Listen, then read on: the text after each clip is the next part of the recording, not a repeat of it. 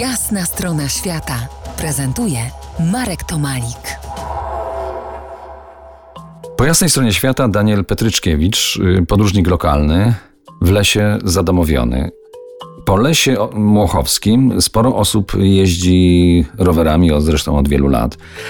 Od zeszłego roku pojawiło się tam szczególnie dużo światła. Jak to światło możesz wytłumaczyć? Bo generalnie światło jest dobre, ale nie zawsze.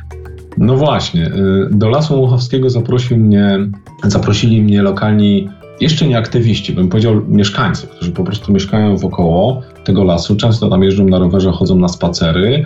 No i to, co ich szczególnie zaniepokoiło, to to, że właśnie pojawiło się dużo światła, tylko to jest takie światło, które się pojawia, kiedy po prostu wytnie się bardzo dużo drzew. Natomiast bardzo ciekawie jest też zobaczyć, jak właśnie lokalni mieszkańcy, którzy się martwią o to, co się dzieje z ich najbliższym otoczeniem, w tym szczególnym przypadku z lasem, ale o tym, się stopniowo w aktywistów. Ale o tym, jak zareagowali, to powiemy za chwilę, ale no wróćmy tu jeszcze wcześniej, bo wydaje mi się, że nie możemy się obrażać na leśników, którzy którzy wycinają drzewa, bo to jest ich praca.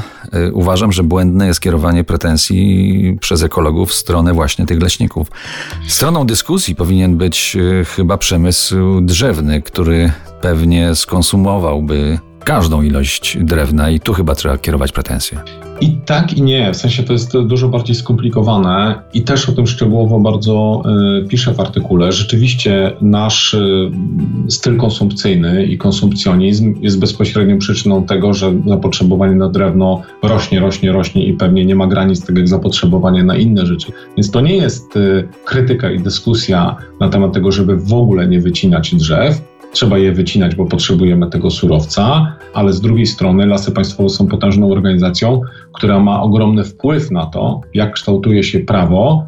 I miałbym oczekiwanie takie, że skoro tak bardzo mocno chcą też stać na, stra- na, na, na straży tej przyrodniczej czy społecznej funkcji lasu, to powinni dążyć do takiej zmiany prawa, która rzeczywiście będzie określone części powierzchni leśnej w Polsce chronić, i po prostu będą one wyłączone spod y, regularnej gospodarki leśnej. Powiedz na koniec y, tej części naszej rozmowy, jak y, zareagowała społeczność Lasu Młochowskiego, o którym, o którym rozmawialiśmy jakiś czas? Tu wydarzyła się rzeczywiście fantastyczna rzecz, bo z jakby regularnych mieszkańców ci ludzie zamienili się w aktywistów, którzy też dostali pewnego rodzaju paliwo w postaci wsparcia. Ja myślę, że w ogóle jakby budowanie społeczności i lokalnych, i taki, takich panregionalnych jest ogromnie kluczowe w tych trudnych czasach, w których żyjemy. I dzięki też temu ta społeczność Lasu Muchowskiego e, mogła wypracować swój taki plan postulatów dotyczących wyłączenia ich lasów z gospodarki leśnej.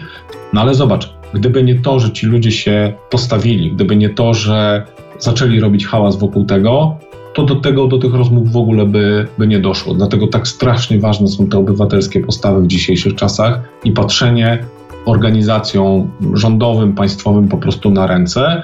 Do dyskusji, do hałasu i do ciszy i spokoju, które można znaleźć w lesie, wrócimy za kilkanaście minut. Zostańcie z nami.